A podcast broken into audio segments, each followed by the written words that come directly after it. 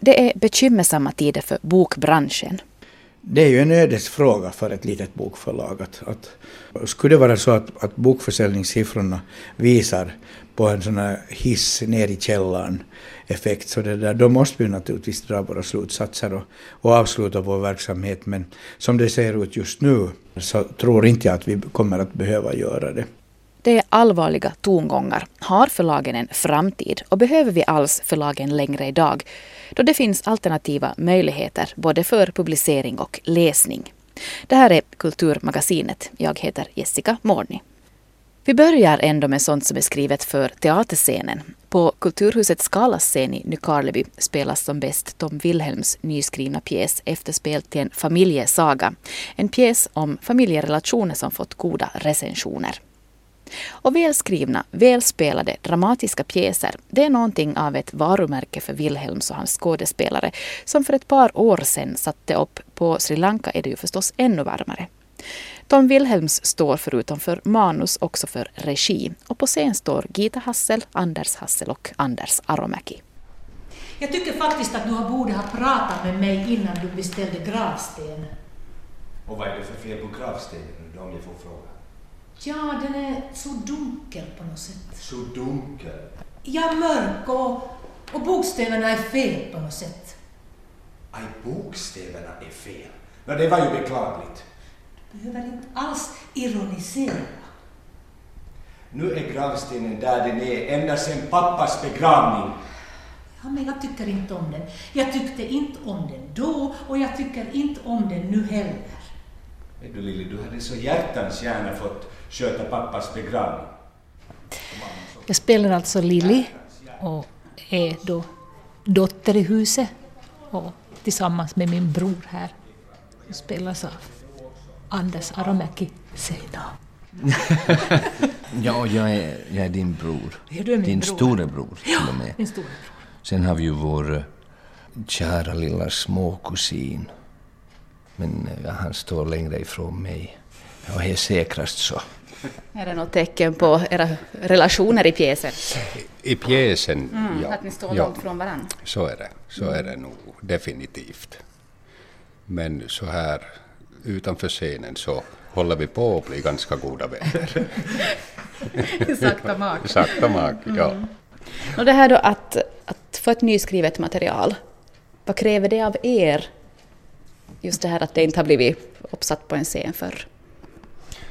Nej, jag tycker ju att, att det ger ofantligt fina möjligheter att, att äh, göra karaktären första gången så att säga. Man har inte några slags referensramar att så här gjorde John Wayne den här rollen eller någon annan. Utan man får, man får sätta sitt eget prägel. Nu kommer andra akten och Wilhelm finns med i spelet. Han är ju en eh, framgångsrik affärsman, nämligen den här Wilhelm. Förutom att han är deras småkusin. Varifrån tog vi då? Huvudsaken ni är i rätt pjäs. Marika har hittat en annan. Vad säger du? Någon fans engelsman som hon träffade i Oxford när hon var forskarstipendiat där.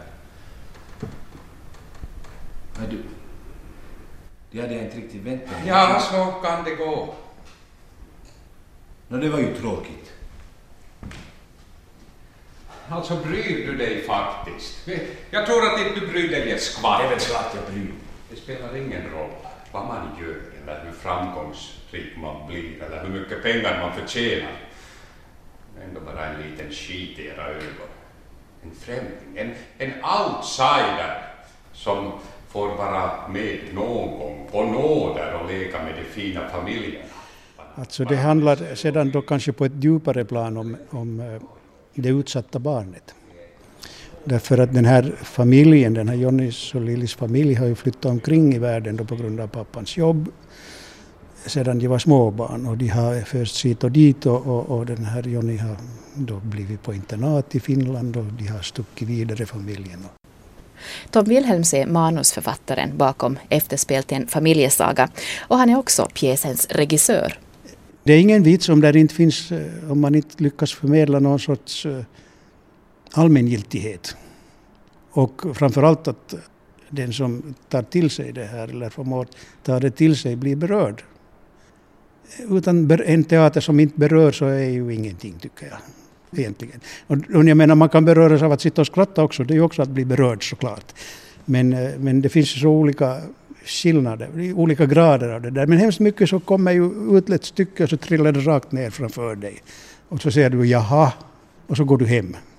Mm. Och då tycker jag man har misslyckats. Sånt vill du inte jobba med? Helst inte, alltså. åtminstone min strävan att det inte ska vara så. Nu sitter vi här i, i, salongen på Skala i Nykarleby och ni har en jättefin scenografi här och har byggt upp.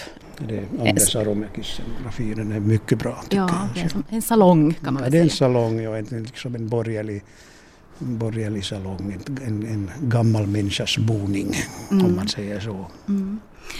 Ja, no, det här då att du har skrivit nytt för den här scenen och för det här gänget. Varför är det viktigt, tycker du, att skriva nytt material för amatörscenen? No, jag tycker att det är en nisch som nog inte är så välfylld på amatörsidan. Inte den välfylld på proffssidan heller egentligen. Alla gånger tycker jag.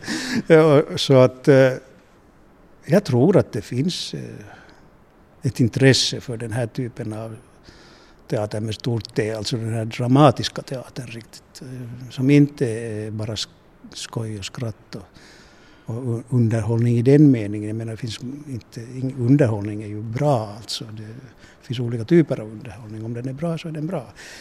Men det här vill ju då gå något steg längre liksom och kanske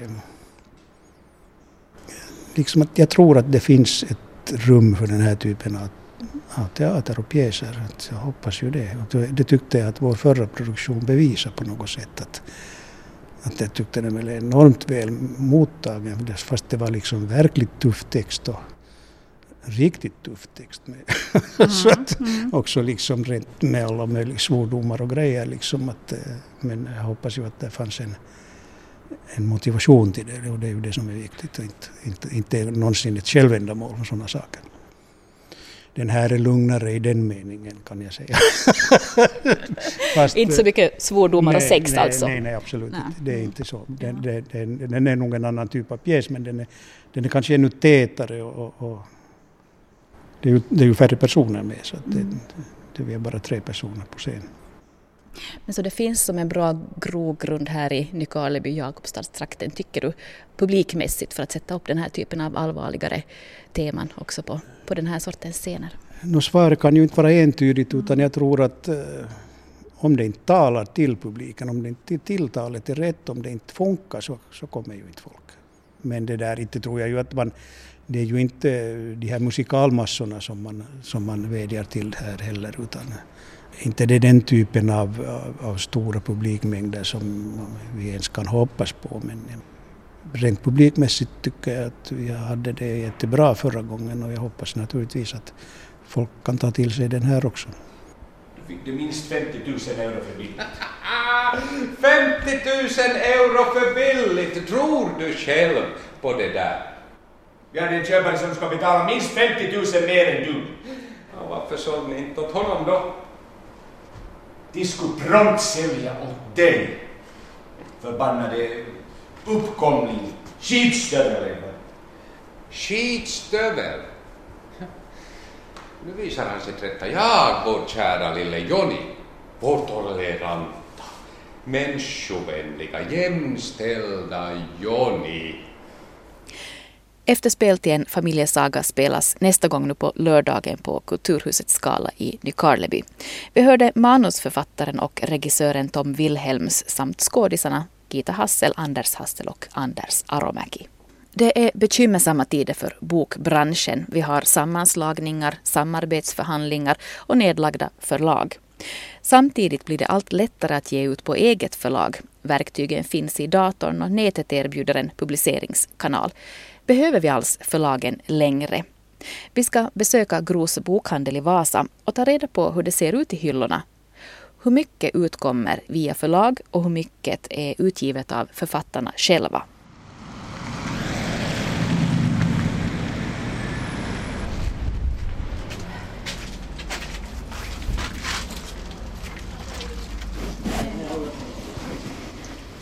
Den här bokhandeln profilerade sig som Svenska bokhandeln för ett antal år sedan. Här är ombonat, välfyllda hyllor väcker köplust och läslust.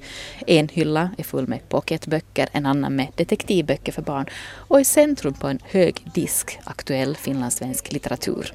Och den här dagen är det många kunder som springer i dörren hos Anna-Lena Palomäki på Gros bokhandel.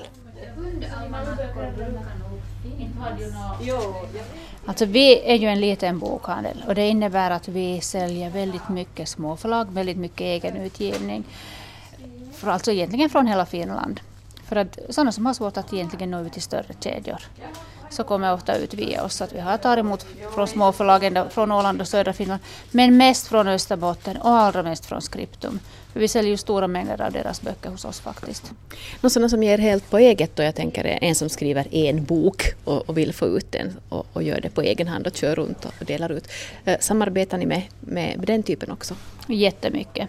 Men att det går ju till på det sättet att det är då på öppet, att vi, de kan endast fakturera de antal sålda böcker annat är det Skriptum och andra förlag så där förstås köper vi in böcker men hos egen produktion som är kanske det var lite osäkrare också.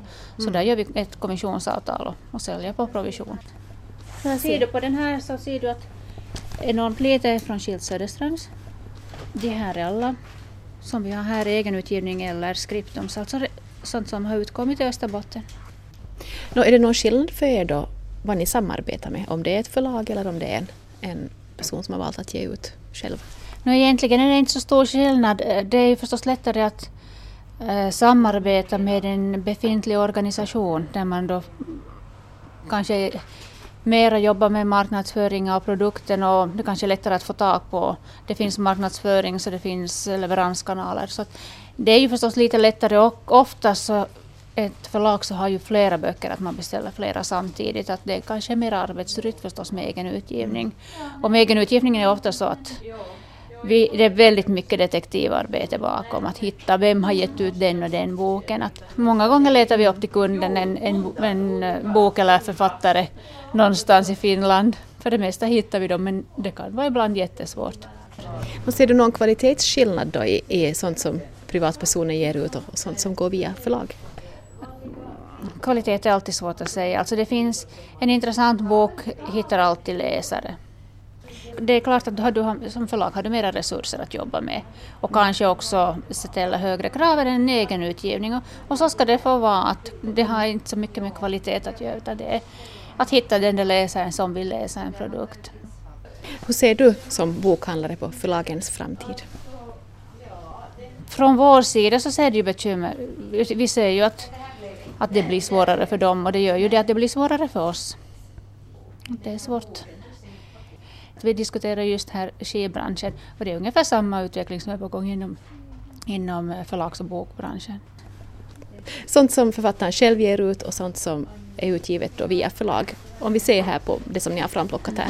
När det gäller finlandssvenskt så om jag tittar på det som vi har nu så största delen är från små förlag eller egen utgivning. Vi säljer mer och mer den biten. Och det har delvis att göra med, förstås ser det annorlunda ut för oss som ett, ett litet eh, företag. Eh, men det har att göra med de stora förlagen som satsar mer och mer på livsmedelsbutiker. De satsar på nätet. Och det gör att de böckerna säljs allt... vi säljer inte alls lika mycket som vi gjorde tidigare. Det har minskat enormt mycket bara, bara några år. Och det som då ökar är till exempel skriptumsböcker, de har vi alltid sålt mycket. Eh, lokalt producerat, som handlar om lokala saker, regionala saker. Och många av de egenutgivningen är ju också sådana att det är folk man känner och det handlar om kanske sånt som ligger nära ens egen verklighet. Men där krävs ett jättebra samarbete nog med återförsäljning i och med att små förlag har mindre resurser för marknadsföring. Det krävs ett, tror jag, ett samarbete för att vi ska klara det, men på något sätt ska det kanske gå.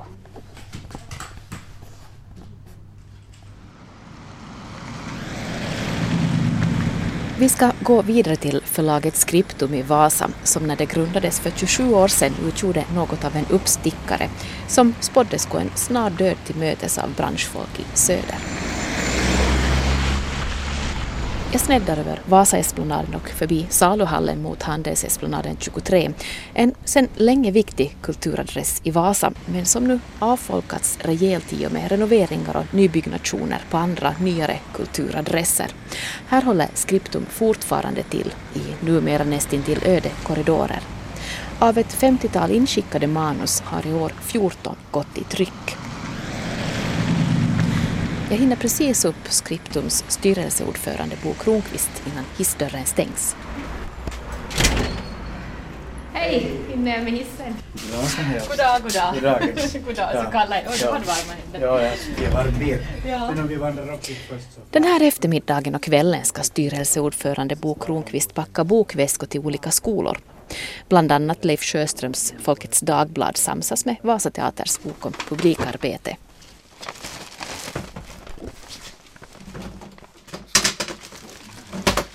Har, jag har utarbetat ett system här. Och den, efter några väskor så börjar man, börjar man, börjar man kunna så att man inte kan stå och vänta på varenda väska. Hur många år har du suttit med i styrelsen? Två. Så det är ganska färskt och det här Mm. suttit som styrelseordförande sen i somras. Jag försökte nu sälja böcker åt statsministern i, i lördags på Svenska Teatern men att Hur gick det då? nå, inte var han så intresserad att köpa. Men jag bråkade han. Men vi var på samma föreställning. Jaha, nå, ska du Jag hämta ska böcker? ta, ta en boklåda med en, eller en bokhög med mig. Det skulle vara bra att tappa den här. mår då Skriptum, som i dagens förlags verklighet kan kallas ett mellanstort förlag? nu, nu ser jag det som en sån här ödesfråga eh, som, som vi har diskuterat också i styrelsen för Skriptum att, att nu jobbar vi stenhårt fram till maj och, och då ser vi i vilken riktning och, och går det som det går just nu så det där borde vi ju ha många anställda men det har vi egentligen inte råd med. Och, och det där, ja, kanske det är fel att säga att vi inte har råd med det men, men du inte riktigt vet vad vi behöver så, så jobbar jag själv lite nu då vid sidan Så, om. så nu som styrelseordförande så ska du här nu då i, Ja. ikväll packa böcker till Ja, exempel? I, idag är jag lagerarbetare och imorgon är jag då bokförläggare och, och sen är jag VD någon annan dag och sen är jag styrelseordförande en tredje dag. Eh, Men, men det är ganska viktigt också när man ska sitta med i en sån här organisation så tror jag det eh, man har störst nytta av att faktiskt går den här vägen också, så lite lärlingevägen. Så här arbetar ju alla de gamla familjerna i Finland som ägde industrin. Att man, man arbetar och lärde sig och, och då hittar man kanske de rätta lösningarna. Vi har många människor som har anmält att de är intresserade, väldigt kompetenta människor. Som, eh, skulle det här vara ett bokförlag som inte någon skulle tro på så skulle inte folk eh, av den kalibern som vi nu har haft, människor som har visat intresse. Vad, är, vad skulle du säga är styrkan då för Skriptum? Är det just de här författarna som kommer till er, deras produkter? Vad är det som är er styrka? Vår styrka är kanske just att vi inte har bestämt oss att vi bara har en viss genre. Vi, vi har ett visst... eh, grunden är ett visst kulturansvar. Som det där, ett kulturpolitiskt ansvar som, som styrelsen också slår fast. Det, det finns ingen, ingen människa i världen som skulle kunna ha ett bokförlag och det där, trycka diktböcker och det där tro att, att vi ska leva på det. Men det anser vi, trots att vi, det inte säljer, så är det vårt ansvar åt, åt de, de poeterna också. Och det där. Men då, då är det ju nog vi som bestämmer upplagans storlek och den där stilen för att, att det viktiga är att de faktiskt får komma ut och finns för den, den, den, den publik som, som läser det och, och behöver det. Äh, att vi har en blandning av både faktaböcker och, och, det där, och också det fiktion eh, är också en styrka. Ett av dragen för att stärka förlaget Skriptum inför framtiden är att få ner upplagorna till en mer realistisk försäljningsnivå och på så sätt undvika bland annat dyra lagerkostnader. Nu fylls lagret av böcker från tidigare års utgivning. Men förhoppningsvis kommer de till användning i och med de här skolpaketen som nu delas ut gratis till högstadier och gymnasier i Österbotten. Ett annat drag är den förlagstjänst som Skriptum numera erbjuder författare som ger ut själva. Författaren får hjälp med marknadsföring och försäljning och i år har två böcker utkommit via den här tjänsten. Inför ett nytt år hoppas styrelseordförande Bo Kronqvist också på någon form av gemensam resursperson inom branschen. Det finns många små bokförlag. Vi har Ellips, och vi har, har Labyrint Books och, och, det finns flera sådana små. Och det där, och jag tror att, att vi inom någon vecka kommer att samlas och hoppas att få på gehör från Horisont och Litteraturföreningen och andra, att vi kunde sätta oss ner och säga att har vi liksom någon sån här personresurs som vi kunde ha tillsammans för att stödja varandra. För eh, sitter vi varje liten nurka och, och tittar bara in på just mitt eget så kan det gott hända att vi plötsligt alla är borta. Mm. Och, och, det skulle vara hemskt istället för att, att våga erkänna att, att, att vi behövs men på olika sätt. Men kan ha, fortsätta med verksamheten men ha gemensam personresurs i någon form. Så det får vi se. Det mm. hoppas jag i alla fall. Eller jag lever starkt på det hoppet. Mm. Hur bekymrad är du då för framtiden för, för Skriptums del? No, egentligen, just nu är jag inte så riktigt, riktigt det där bekymrad för, för den här... Uh, när jag ser på, på, på, det, på det mottagande som finns och det, det, det respons som kommer från både författare, läsare, från uh, bokhandlarna, från också från instu, finlandssvenska institutioner som inte alls främmande för att vi ska överleva. Så då tror jag på att vi har... Men jag, jag är inte heller någon vän med att vi ska ha ett, ett, en verksamhet som ska leva på på bidrag från fonderna och de här uh, hjälparna, utan det ska vara ett sånt här uh, en, en, en liten garanti i alla fall, men absolut inte, utan det är nog böckerna som ska sälja i första hand och sen kommer, kommer det här för att finansiera kringrörelserna kring det. Vad, vad är de här största hotbilderna då som du ser mot Skriptum? Inte är det någon annan hotbild än att, att bokförsäljningen skulle ta slut och det där, att den skulle visa sådana siffror så vi helt enkelt inte har råd att fortsätta det är ju jättestora svårigheter med samarbetsförhandlingarna inom de, de stora bokförlagen som man har diskuterat och, och, och nu förstår jag att, att man där också är tvungen att se om sitt hus. Att, att eh, det kan inte komma liksom manna från himlen varje gång bara för att, att det går på minus. Utan nu måste den ju också vara förankrad i, i verkligheten vart den sådär min påse? Jag känner att jag borde nog hjälpa dig här. Nej, nej, jag är ju inte riktigt säker på vad jag gör och då måste man göra det som man med försök och misstag. Sen kan man lära sig till följande år. Ja, precis. Ska vi ha den där? Fyra. Ska två per. Ja, det ska vara två per? Oj då. Per, per. Då går det många åt. Ja.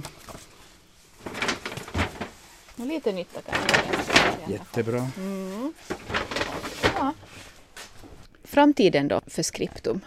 Hur ser du på den? No, framtiden eh, tycker jag nog utkristalliserar sig mer och mer. Alltså det, det, jag gör ju någon typ av talkoarbete här nu som många andra före mig har gjort inom Skriptums styrelse. Och, och, det där, och I det talkoarbetet så, så formas nog någon bild av vilka typer av, av jobb som vi ska betala i framtiden. För det, det här kommer jag ju inte att göra. Det, jag gör det för att lära mig helt enkelt och för att kunna ge underlag åt styrelsen vad vi faktiskt behöver. Jag tror nog att när våren är här 2015 och vi ser att, att vi har klarat bokförsäljningen bra med, med de här böckerna, att vi inte har stora lagerkostnader, Eh, det kostar ju på, i vårt lager i Borgå, det kostar i alla andra lagerutrymmen som vi är tvungna till ha.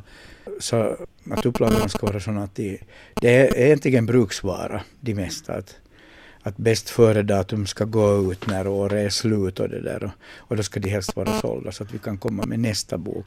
Att det ska finnas en, en förväntan också på, på böcker som kommer från Skriptum, att det ska bli roligt att veta vad kommer ut nu vi har, vi har många intressanta utmaningar under nästa år och intressanta det där, produkter som vi kommer att lansera under året. Och, och då tror jag på framtiden. Alltså. Det är helt klart att jag gör det. Vi hörde förlaget Skriptums styrelseordförande Bo Kronqvist.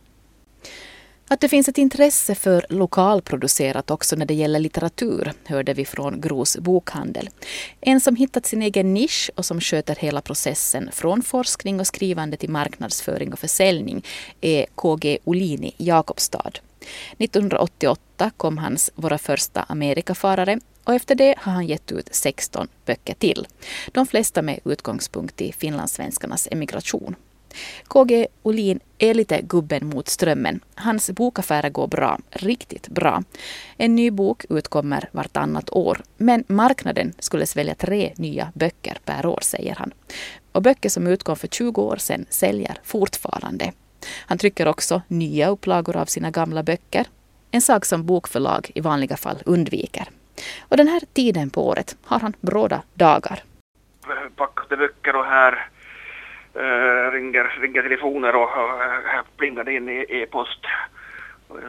Springer till posten och ställer till för bokmässor och julmarknader och så.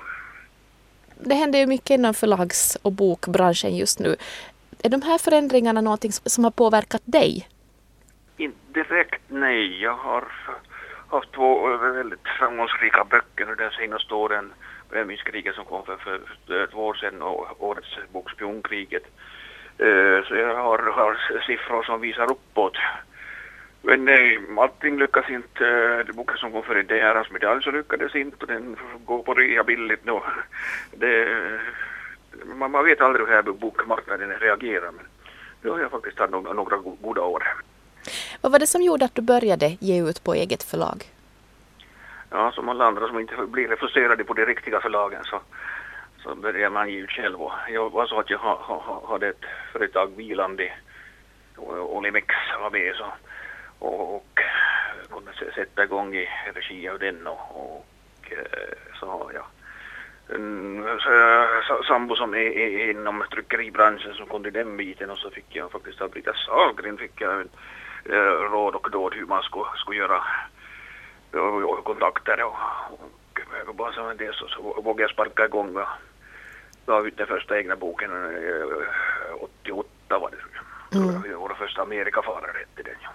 Och det här att ge ut själv då, är det någonting som du rekommenderar åt den som ska ge ut en bok? Nej. Det är nog, det är nog svårt att göra pengar på det här, att få det gå, gå igenom. Eh, däremot så finns det ju möjligheter om man vill göra, göra någon uh, bok för sig själv och sina vänner så finns det ju en möjlighet att man kan eh, göra sådär med, printa mindre upplag på till exempel sina dikter och sätta en akvarell som pärm eller någonting sånt och, och, och, ha det sen som presenter och så. Det, det, den här nya tekniken ger, ger möjlighet till, till sådana lösningar och man kan ju göra sina egna layouter i hem, hemdatorn ganska långt nu också så det, det har ändrat väldigt mycket sedan 88 när jag började. Men om man har några professionella tankar så då, då är det här att ge ut kanske inte att rekommendera? att ge ut själv? Man ska nog vara, vara, vara ganska självkritisk, det kan, det kan sluta illa. Och, men det kan ju lyckas också, det är nog flera som, som har, har, ut på eget förlag och, och får, får det att gå runt. Men det finns nog också sådana som har, har, skrubben full med, med, med misslyckanden. Har du varit i den situationen att du har önskat att du skulle ha haft ett bokförlag bakom dig? Eh, nej, jag kommer inte ihåg någon sån, sån situation. Nej, jag tycker om det här. Jag tycker om att, att sälja och äh, vansinnigt förtjust i att packa böcker och ja, jag brukar säga att allt, allt går bra. Att det går roligt att forska och skriva och, och, och att sälja och marknadsföra men den där biten när man ska släppa ifrån sig materialet i tryckeriet då, då, då är det nog pirr i magen och det är den svåraste biten. Vad tror du då om, om bokutgivningen i stort? Hur tror du att den kommer att utvecklas? Eh, jag tror väldigt mycket att det blir såna här eh, bestsellerlådor i samband med, med stormarknader. Och, men, men sen det breda sortimentet kommer att finnas på internetbokhandeln. Man kommer att byta där så att säga. Så att det vanliga bokhandeln kan inte hålla, hålla ett sånt här brett sortiment till högre priser. Det, det är helt, helt klart. Det sa författaren KG Olin som fick sista ordet i kvällens kulturmagasin. Jag heter Jessica Morni. Vi hörs.